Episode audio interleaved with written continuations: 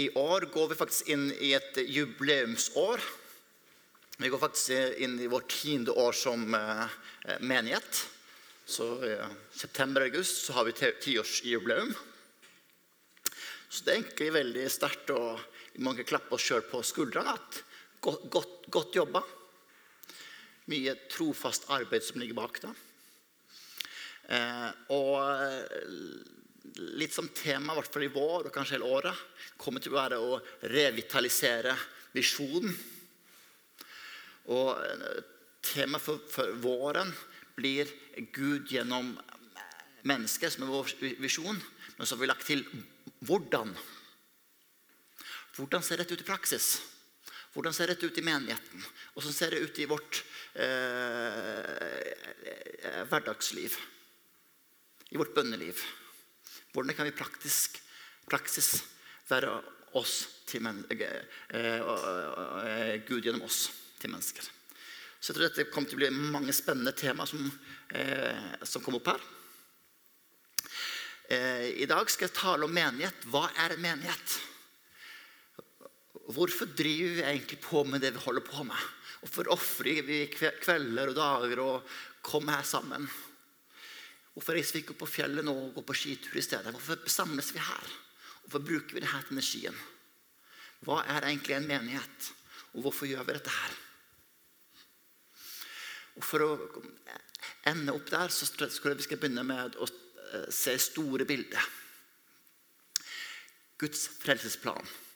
Hele Bibelen handler egentlig om Guds frelsesplan. Du kan på en måte dele Bibelen i tre. Første to sidene handler om skapelsen, hvordan Gud skapte en fantastisk verden.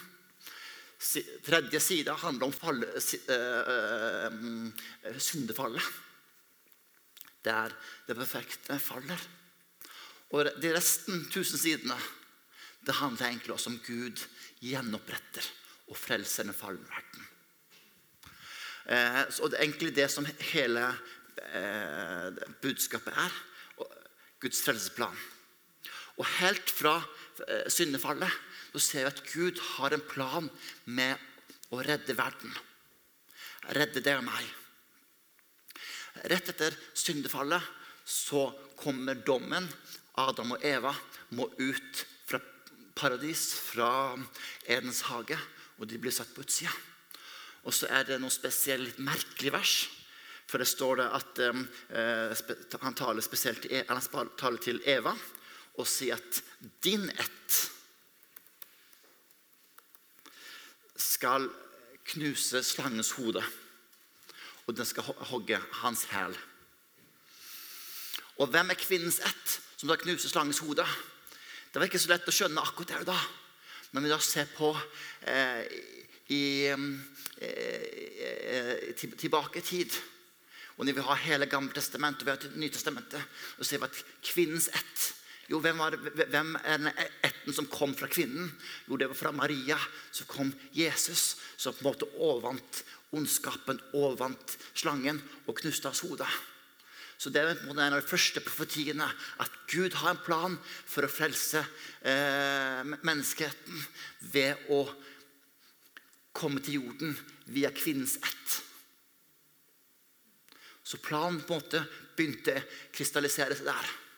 Men Gud er en tålmodig Gud. Vi, vi ønsker å se ting kanskje okay, til neste år eller neste måned eller i, i løpet av ganske kort tid. Men Gud tenker årtusener. Så i løpet av årtusener la Gud, lot Gud sin plan om å frelse menneskeheten bli krystallisert og forberede Jesu komme. Han begynte å kunne- Før Jesus skulle komme, så måtte Jesus ha et folk. Så han kalte Abraham. Og Her ser vi hele, hele veien når Gud har forberedt sin frelseplan, så kunne han valgt og sendt noen engler og gjort hele jobben sjøl.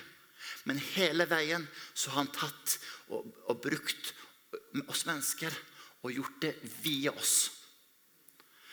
Så når han skulle få, Jesus skulle ha et folk å vokse opp i, så for å få det, så kalte han ut Abraham og sa at Abraham, reis deg bort, forlat din far og mor, og reis ut fra, fra landet her, og reis hit, dit. Og Abraham han reiste i tro uten noen etterkommere. Og så fikk Abraham løftet at din ett, i din ett skal alle folkeslag velsignes. Og nå I ettertid så vet vi at hvem er Abrahams ett? Jo, det er Jesus som er ultimate løftet på det. For i Jesus eh, så, eh, så, ble vi alle velsigna. Og dette folket ble, ble tatt i fangenskap. Og så igjen Gud redder dem via et menneske. Han kalte Moses. Og Moses er et bilde på en frelser. For Moses, Gud frelste israelsfolket gjennom han. Gjennom at han var lydig og handla ut Guds eh, plan. Og Moses fikk dem ut ved Guds kraft. Og Gud kunne gjort dette alene. Og en av de store historiene er når eh, eh, Gud fører israelsfolket gjennom Rødehavet. Eller Rødehavet, ja. Og da på en måte må forteller Gud ok, ta, ta ut staven. Og da må, Gud kunne gjort dette alene, men han handler gjennom Moses. Gud gjennom Moses til folket, og de blir frelst så gir eh, Gud dem en lov og forklarer hva som er en pakt. Og De lærer om hva som er rett og galt, og hva som er synd. Og dette igjen, Gud kunne gitt dem det, men det igjen gjennom Moses, gjennom mennesker til mennesker. Gud forbereder videre ved å sette inn en presteskap og lære dem at synd må ofres for. Så de må ha et syndoffer for å eh, kunne komme frem til Gud. Og igjen et bilde på, eh, på, eh, på Jesus. Moses, A, Moses, bror Aron han ble øverste prest. Og presteskapet skulle på en måte være en veiåpner for folket til Gud. Og det er igjen et bilde på Jesus, som på en måte er den øverste presten som åpna vår vei til Gud. Israelsfolket får landet sitt. og Til slutt så får de eh, konge. Og de får David, som blir den på en måte ultimate kongen. Og han får løfte om at hans etterkommere skal bli konge til evig tid. Og Jesus det blir kalt Davids sønn. Han er på en måte oppfyllelsen av, pakt, av den pakten og det løftet. Så Alt det Jesus da handler med i historien til Israel, er på en måte steg på steg på steg på steg en forberedelse på det som har kommet. For Jesus han var frelseren som Moses. Jesus han var oppfyllelsen av loven de har fått. Jesus var oppfyllelsen av alle ofrene de måtte gjennom. Jesus var oppfyllelsen eh, på, på, det å være prest og på å være konge.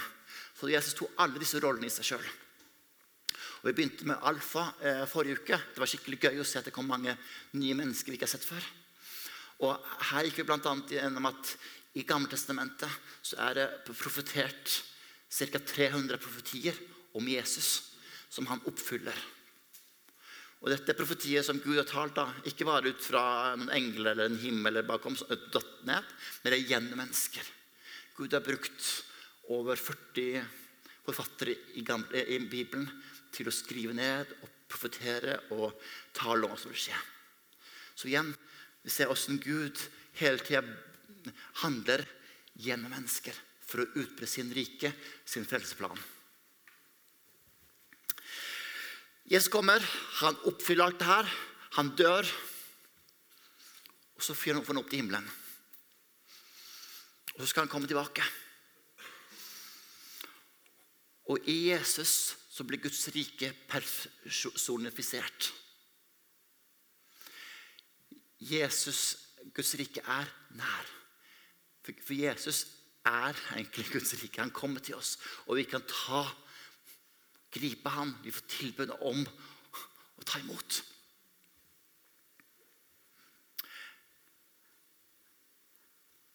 Men frelsen som Jesus gjorde, er egentlig bare del én av Guds helseplan at Gud objektivt han har, han har sonet, sonet, eh, sonet, hele straffen. Eh, han har eh, Alt er fullbrakt. Men det er egentlig bare del én av Guds frelsesplan. Del to det er at dette må fortelles om. At den enkelte må høre om det. Den enkelte må ta imot og ta konsekvensen av det. Og Nytestamentet og menigheten og, eh, og apostlene og disiplene vi er egentlig del av del to. Fortelle, vitne, proklamere Guds rike og leve ut Guds rike. Og Det er egentlig det vi leser om i Apostelens gjerninger.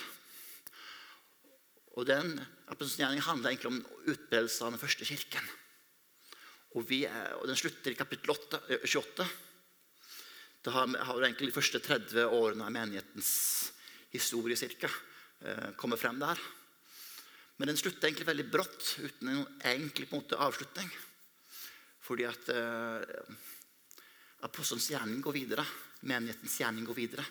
Og nå er egentlig vi del av den utbredelsen av Guds rike, av Guds menighet, av å forsyne, av å få folk med oss til Gud, til evigheten. Så vi er med del av noe spennende.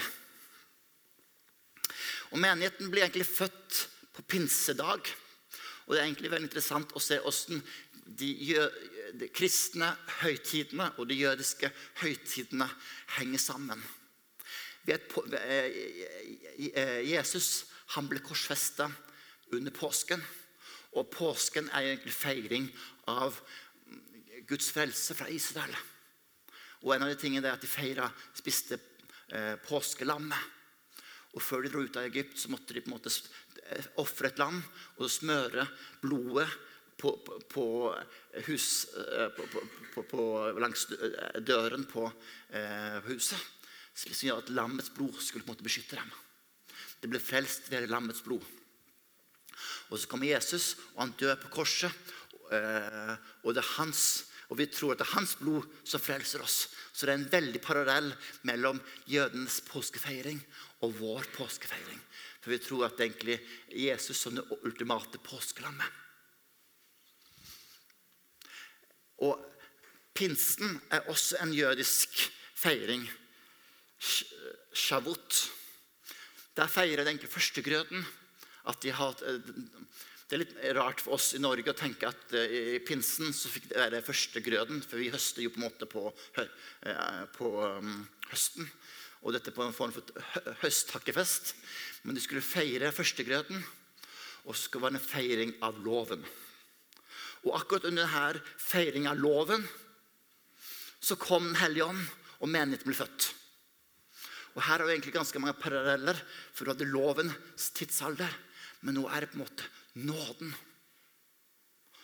Før var det ved loven du skulle på en måte prøve, prøve, å få en ytre lov til å få det til å bli god nok. Men nå er det nåden som lærer oss opp i frelse. Nåden lærer oss opp til gode gjerninger. Endringen skjer ikke ved en ytre lov, men at Den hellige ånd kommer inn og gir kraft og et endret liv.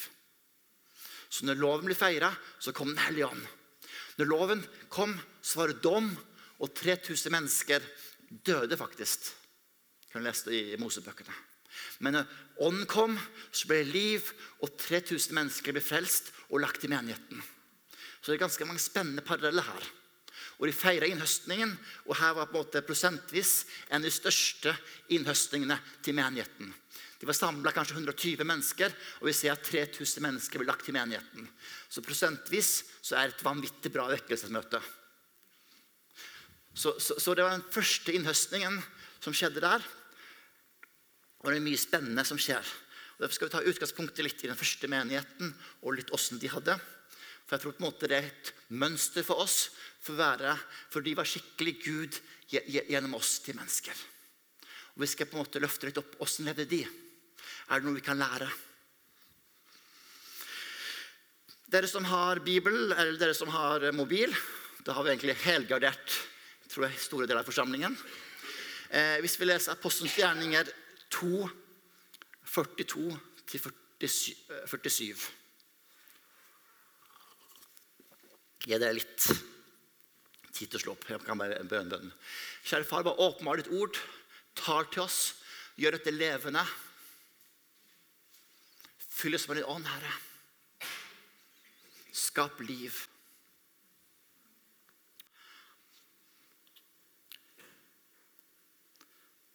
Apostelens gjerninger 2, 42-47.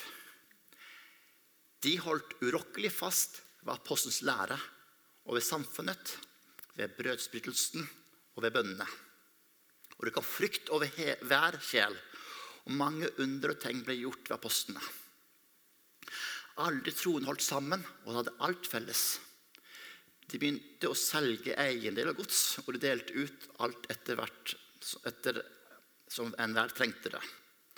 Hver dag kom, trofa, kom de trofast og med ett sinn samlet i tempelet, og hjemmene brøt de brødrene og holdt måltid. Med fryd og hjertets oppriktighet. De lovet Gud og var velsett av hele folket. Og Herren la hver dag, eh, og Herren la hver dag dem som ble frelst, til menigheten. Det er skikkelig sterke ord åssen det var i den første kristne menigheten. De levde radikalt sammen. Og En av de tingene som ble trukket frem her, er hva som blir kalt de fire b-ene. Eh, Bibelen, brorskapet, brøds, eh, brødsbrytelsen og bønnene. De hadde nok ikke en hel bibel på den tida, men eh, det er på en måte for å løfte frem at det var essensen av den eh, første, menigheten. De var opptatt av å ha riktig forsynelse av, av, av sannheten, av apostelens lære, av hva som var, virkelig hadde skjedd. Hva hadde Jesus sagt?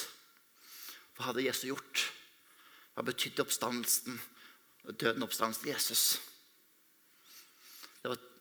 Det man tukta på den, læren. Så læren ble holdt høyt. Også fellesskapet, samfunnet med hverandre. Dette var ikke bare intellektuell tro. Det var liv, liv som var levd sammen og delt liv. Det liturgiske med nattverden var viktig. Å minnes Jesus og bønnene. Du har relasjon til hverandre, men også relasjon opp til Gud. Det var essensen av menigheten. De holdt sammen. Det var en veldig spesiell tid. Tegn og under, men også masse forfølgelse, undertrykkelse. Harde, tøffe tid. Og de holdt sammen. De, de delte ting sammen og hadde allting felles. Og det er en radikal, en radikal omsorg og deling.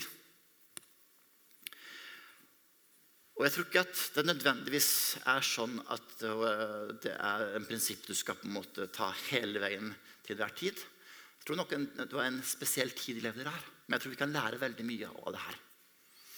Ser du på en måte i sammenheng med det kapittelet som følger etterpå, du kan vi lese om Ananias og, Saf Ananias og Safire.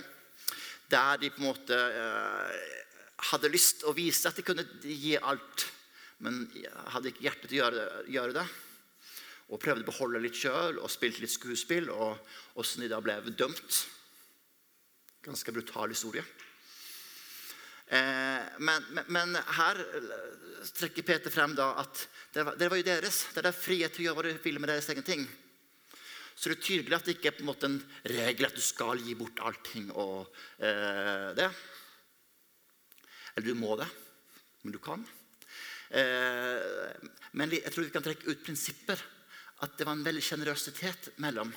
Fellesskapet var ikke bare ord, men de på en måte delte liv. De delte sine ressurser. De var med å hjelpe hverandre. Så du en bror lide nød, så hjalp de faktisk hverandre. Så fellesskapet, så jeg tror jeg kan trekke ut at her, fellesskapet må være mer enn ord. Vi må, vi må ha faktisk en radikal omsorg for hverandre. Vi må kunne dele liv, dele, det vi har, dele vår tid, våre ressurser, oss sjøl. En av de kanskje vanskeligste tingene i et fellesskap det er faktisk slippe folk inn på livet vårt. Være villig å la folk ikke bare være bekjent med venner. At det ikke bare folk du tar imot og sier hei på, på i, i, de tre, fire minuttene vi har på kaffepause her eller etterpå, men at du virkelig lar folk bli familie.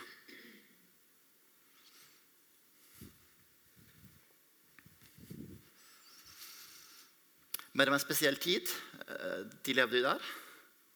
Og jeg tror vi har mye å eh, lære av å være overgitt til hverandre. Eh, jeg tror det var han Kennedy som sa at Ask not what your country can do for you, but what you can do for your country. Og jeg tror på en måte Det er en ting vi kan overføre til menigheten. At Spør ikke hva menigheten kan gjøre for deg, men hva kan du gjøre for menigheten? Hva kan du bety Hvordan kan du bety noe for de andre her? Være en venn. Være en familie. Stå sammen.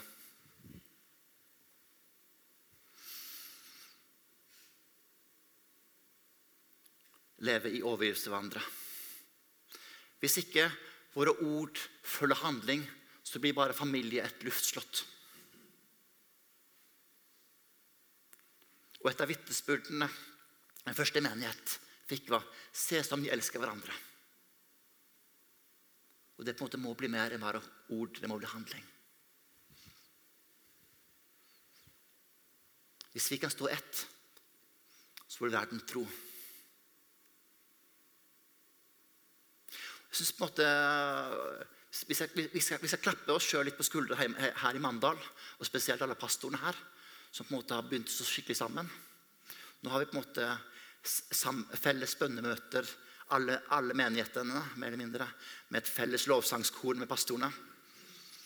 Det er mer som eh, et godt skritt på vei.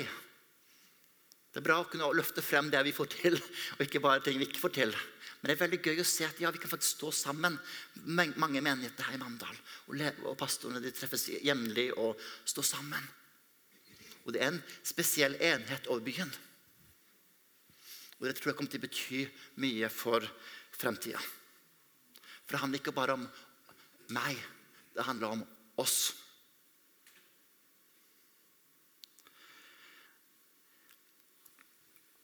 I i den tidlige menigheten så ser vi at det oppstår veldig fort behov for strukturer. Så det er viktig med fellesskap, men det er også viktig at det blir struktur. Paulus han, reiste, han hadde en veldig klar strategi som vi ser på en måte funka veldig godt. Fordi at den bærekraftige menighetsplantbevegelsen han starta, eksisterer nå fortsatt 2000 år senere. Han reiste rundt og forsynte evangeliet. Han planta menigheter, og han innsatte ledere. Apostler, profeter, evangelister, hyrdelærere. Han satte inn en struktur i menigheten som fungerte for at folk skulle bli tatt vare på. For at man kunne disippelgjøre videre og sende ut og starte nye menigheter.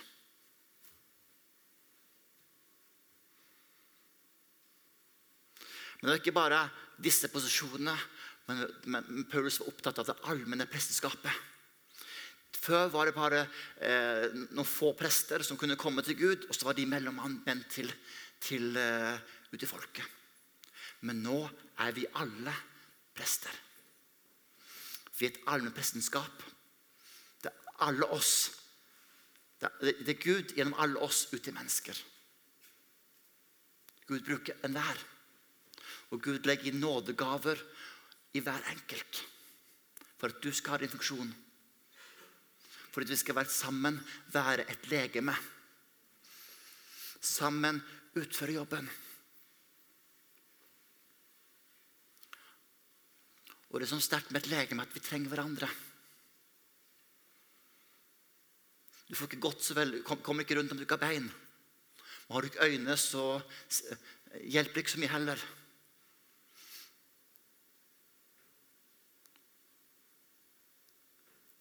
Så hele kroppen er avhengig av hverandre. Så det er ikke, det er ikke en one man show, men det er alle. Og det er summen, det er sammen, det er da vi er sterke. Det, når vi alle kommer inn i vår funksjon, og vi alle kan se hva kan jeg bidra med, hva kan jeg bety For Enhver av dere har en funksjon og en bety, en, en, kan bety noe for de andre her. Og sammen er vi Jesu legen her på jorden.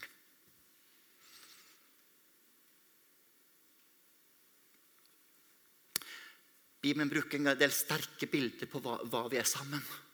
Vi er Guds familie. Det er på en måte det tetteste bånd du finner her på verden. Og for å gjøre det enda sterkere så snakker vi om at vi er et legeme. Og eh, vi er sammen er vi Kristi brud. Jesu eh, brud, menigheten. Vi er Guds tempel. Tempel var et plass der en kunne, eh, folk kunne komme for å møte Gud. og Det kunne være et vitnesbyrd for hedningene. Men nå er det vi som er Guds tempel. Det er vi som på en måte ibor Guds kraft. Og det er gjennom oss mennesker kan møte Gud. Så det er viktig å få frem at menigheten Det er ikke bare en god idé, men det er faktisk Guds idé. Og Det er en salme som, som vi synger at Guds menighet er verdens største under. Og det er det. Av og til kan vi føle at det er verdens største blunder. Fordi at Gud har valgt å bruke oss skrøpelige mennesker til å ha et bilde på seg sjøl. Han bruker deg og meg med all vår sår, feil og mangler. Og hans familie består av falne mennesker med mangler og feil. Og vi er alle underveis. Ikke perfekte. Og vi er på en måte en, en, vi har en skatt i et leirkar. Vi er skjøre mennesker. Men vi er fylt av Guds ånd og har en skatt på innsida. For vi bærer av Guds evangelium. Men i dette her så er det mye ufullkomment. Mye kjød, mye grums. Og det er det som må være familie. Vi er sammen på godt og vondt. Når på en måte du går på første daten, så ser du på en måte alt, alt eh, fasaden og alt som er bra. Men er du familie, så er det jo grums. Men du elsker hverandre på, grunn av, på, på tross og på grunn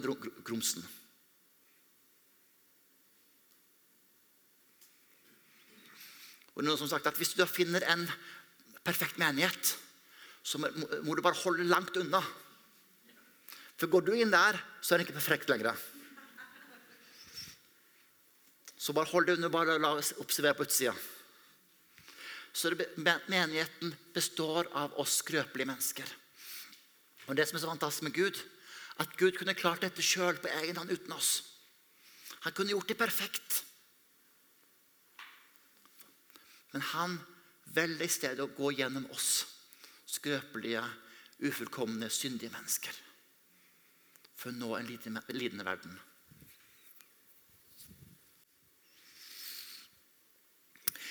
Frelsen har ofte blitt sammenligna med et tog.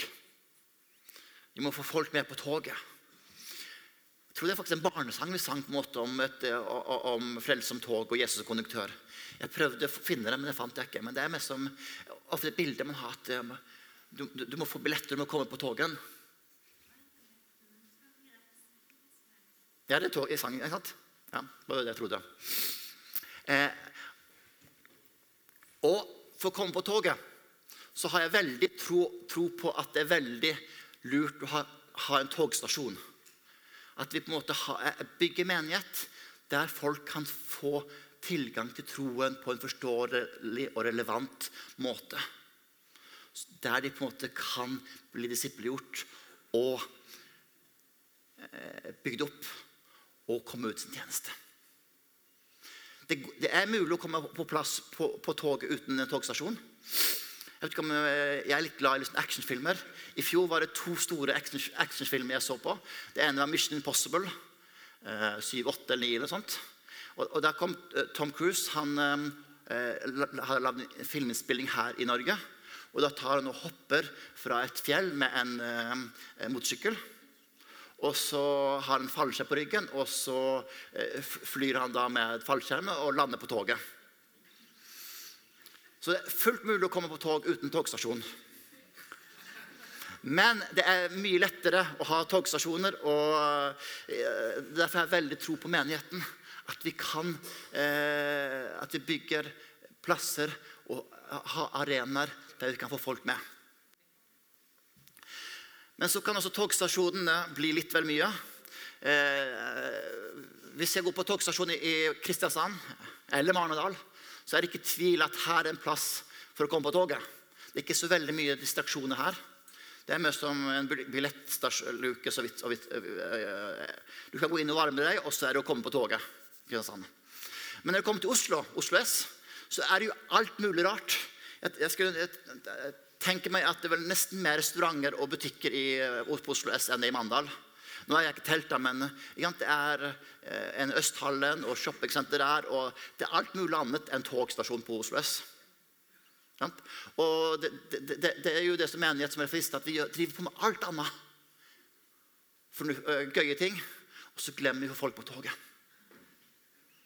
Så vi må på en måte være en togstasjon som har en visjon og har et mål. Og vet hvorfor vi er her. Så kan man godt få god kaffe og gode eh, kaker på, på stasjonen, men vi må ha visjon der. At det ikke bare blir eh, kaffespising og På Østbanen der i Oslo så kan du jo spise all mulig rart. ikke sant? Det er som Ja, jent, dere skjønner bildet.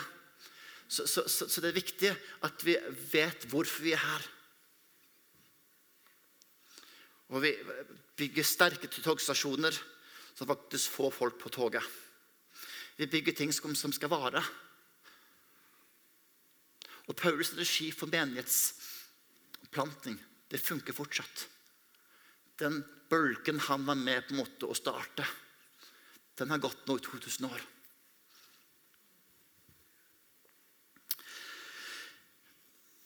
Bare for å nevne pinsevekkelsen, til eksempel, som, som har utspring for litt over 100 år siden på, i Ausa, Street i USA. Der pinsen, pinse på en måte ånd ble tent på nytt, og folk begynte, uh, hadde en skikkelig vekkelse der. Men det som var genialt med den, var at de klarte å kombinere den med menighetsbygging. Og I dag så har du ca. 600 millioner mennesker som på en måte regner seg som pinsevenner ut fra den vekkelsen. Pluss at sikkert en milliard til har blitt påvirket i andre samfunn. Så når du kan på en måte koordinere vekkelse og så få eh, bygd med det inn i menigheten, så blir det dynamitt. I familien vår vi, har vi sett en del på Kompaniet Lauritzen. Og gjerne på tropp, tropp 1 og 2 som handler mer om vanlige folk enn kjendiser. Jeg synes Det er veldig mye mer gøyere å se på vanlige folk som strever. Men et av utfordringene der er å lage bål ute, på natta, ute på, på, i skogen. Og Det strever de med.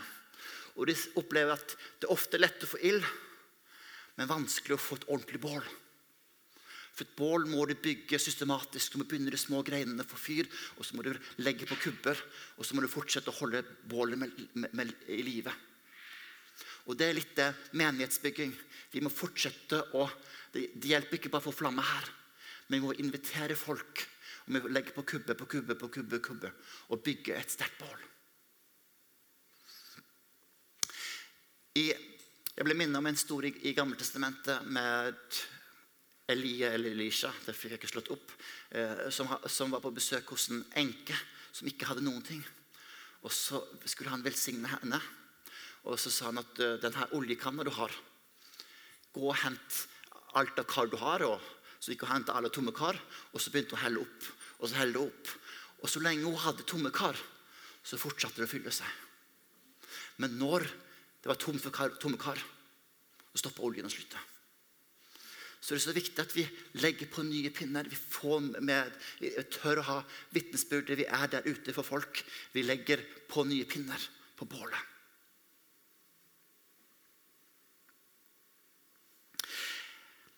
Et eh, motto eller uttrykk fra Bill Hybels er at «The local church is the hope of the world». Den lokale menigheten er verdens håp. Og Ofte så tenker vi hæ?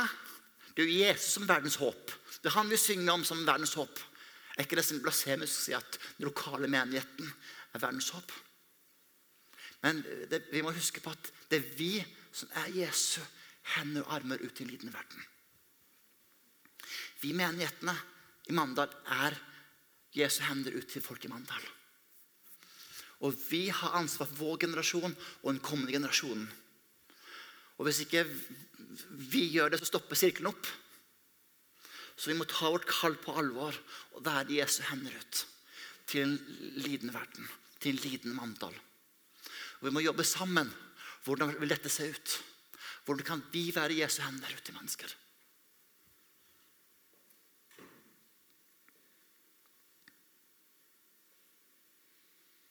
Bare løfte, siste Sist jeg vil snakke om litt om at eh, det er så lett i dagens samfunn å tenke at jeg er en solokristen. For vi lever i en hyperindividualistisk samfunn. Og det er så lett å tenke at det er jeg og Jesus, jeg og Jesus. Men det er egentlig vi og Jesus. Bibelen, måten vi leser Bibelen på i dag det er jo det er veldig bra at vi har en bibel eh, Alle har sin egen bibel. Det er en veldig bra. Men det er også en bitte liten forbannelse i det. For det gjør jo at du kan lage bibellesning kun individualistisk.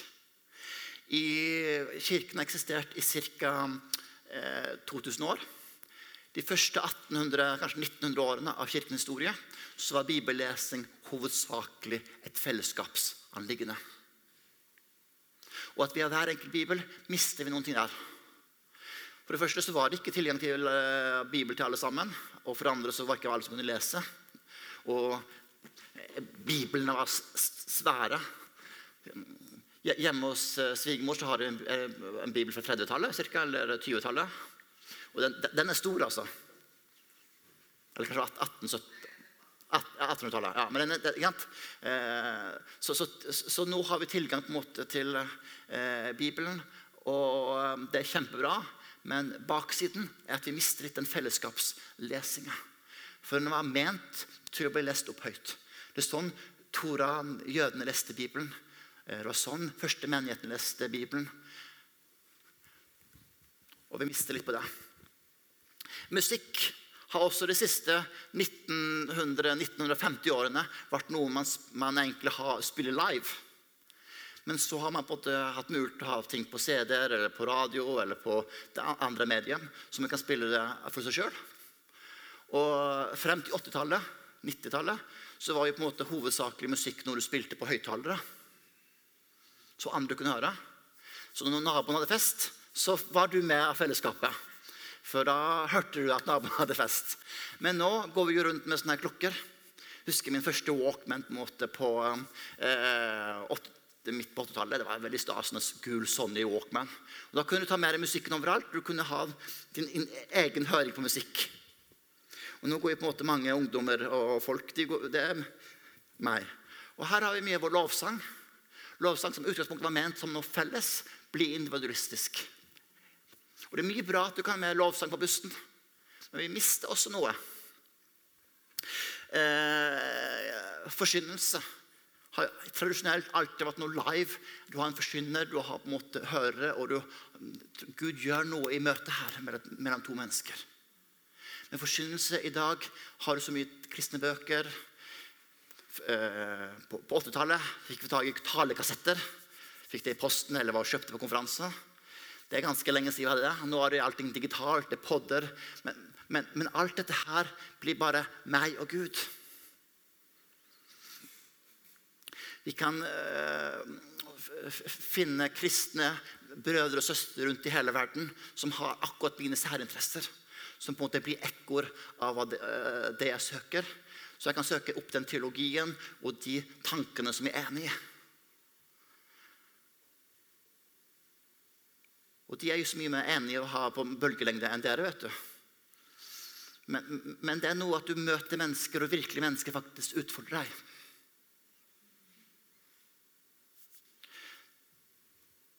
Nå går vi faktisk inn i en tid der kunstig intelligens og AI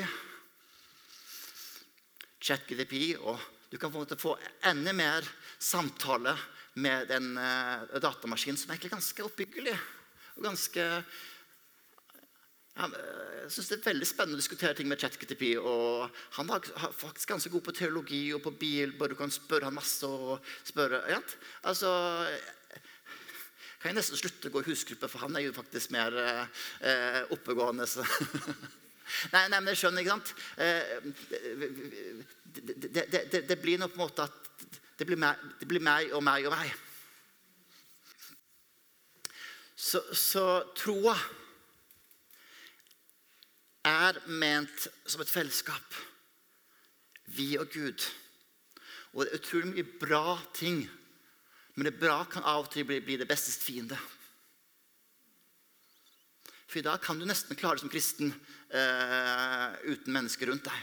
For du har så mye gode digitale hjelpemidler. Og det er ikke det livet Gud ønsket.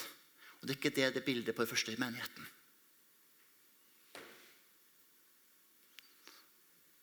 Så når vi på en måte går inn i dette året, det skal fokusere på enda mer på Gud gjennom oss, hvordan det skal se ut, så vil vi løfte opp menigheten, fellesskapet. Første menigheten de møttes offentlig i tempelet. Det er det vi på en måte prøver å gjøre litt her. offentlig møte. Og så møttes de i hjemmene. Troen var en del i mindre fellesskap. Hvis Gud legger masse folk til oss her, så klarer vi ikke se hver enkelt her. Men vi kan se hverandre i hjemmene. Og da, men det koster. Det koster at vi tør å investere i vennskap. Ikke vi bare um, tenker hva, hva kan dette gi meg?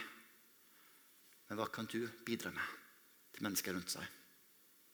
Hvordan kan vi skape et hjem for hverandre? Hvordan kan vi være en familie for hverandre?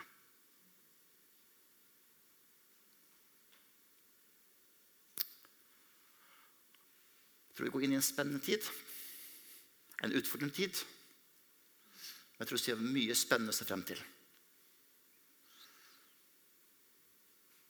Er Guds ild her. Vi må bare få lagt på pinne på bålet.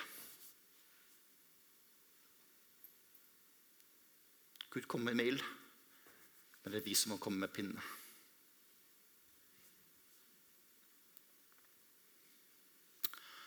Amen.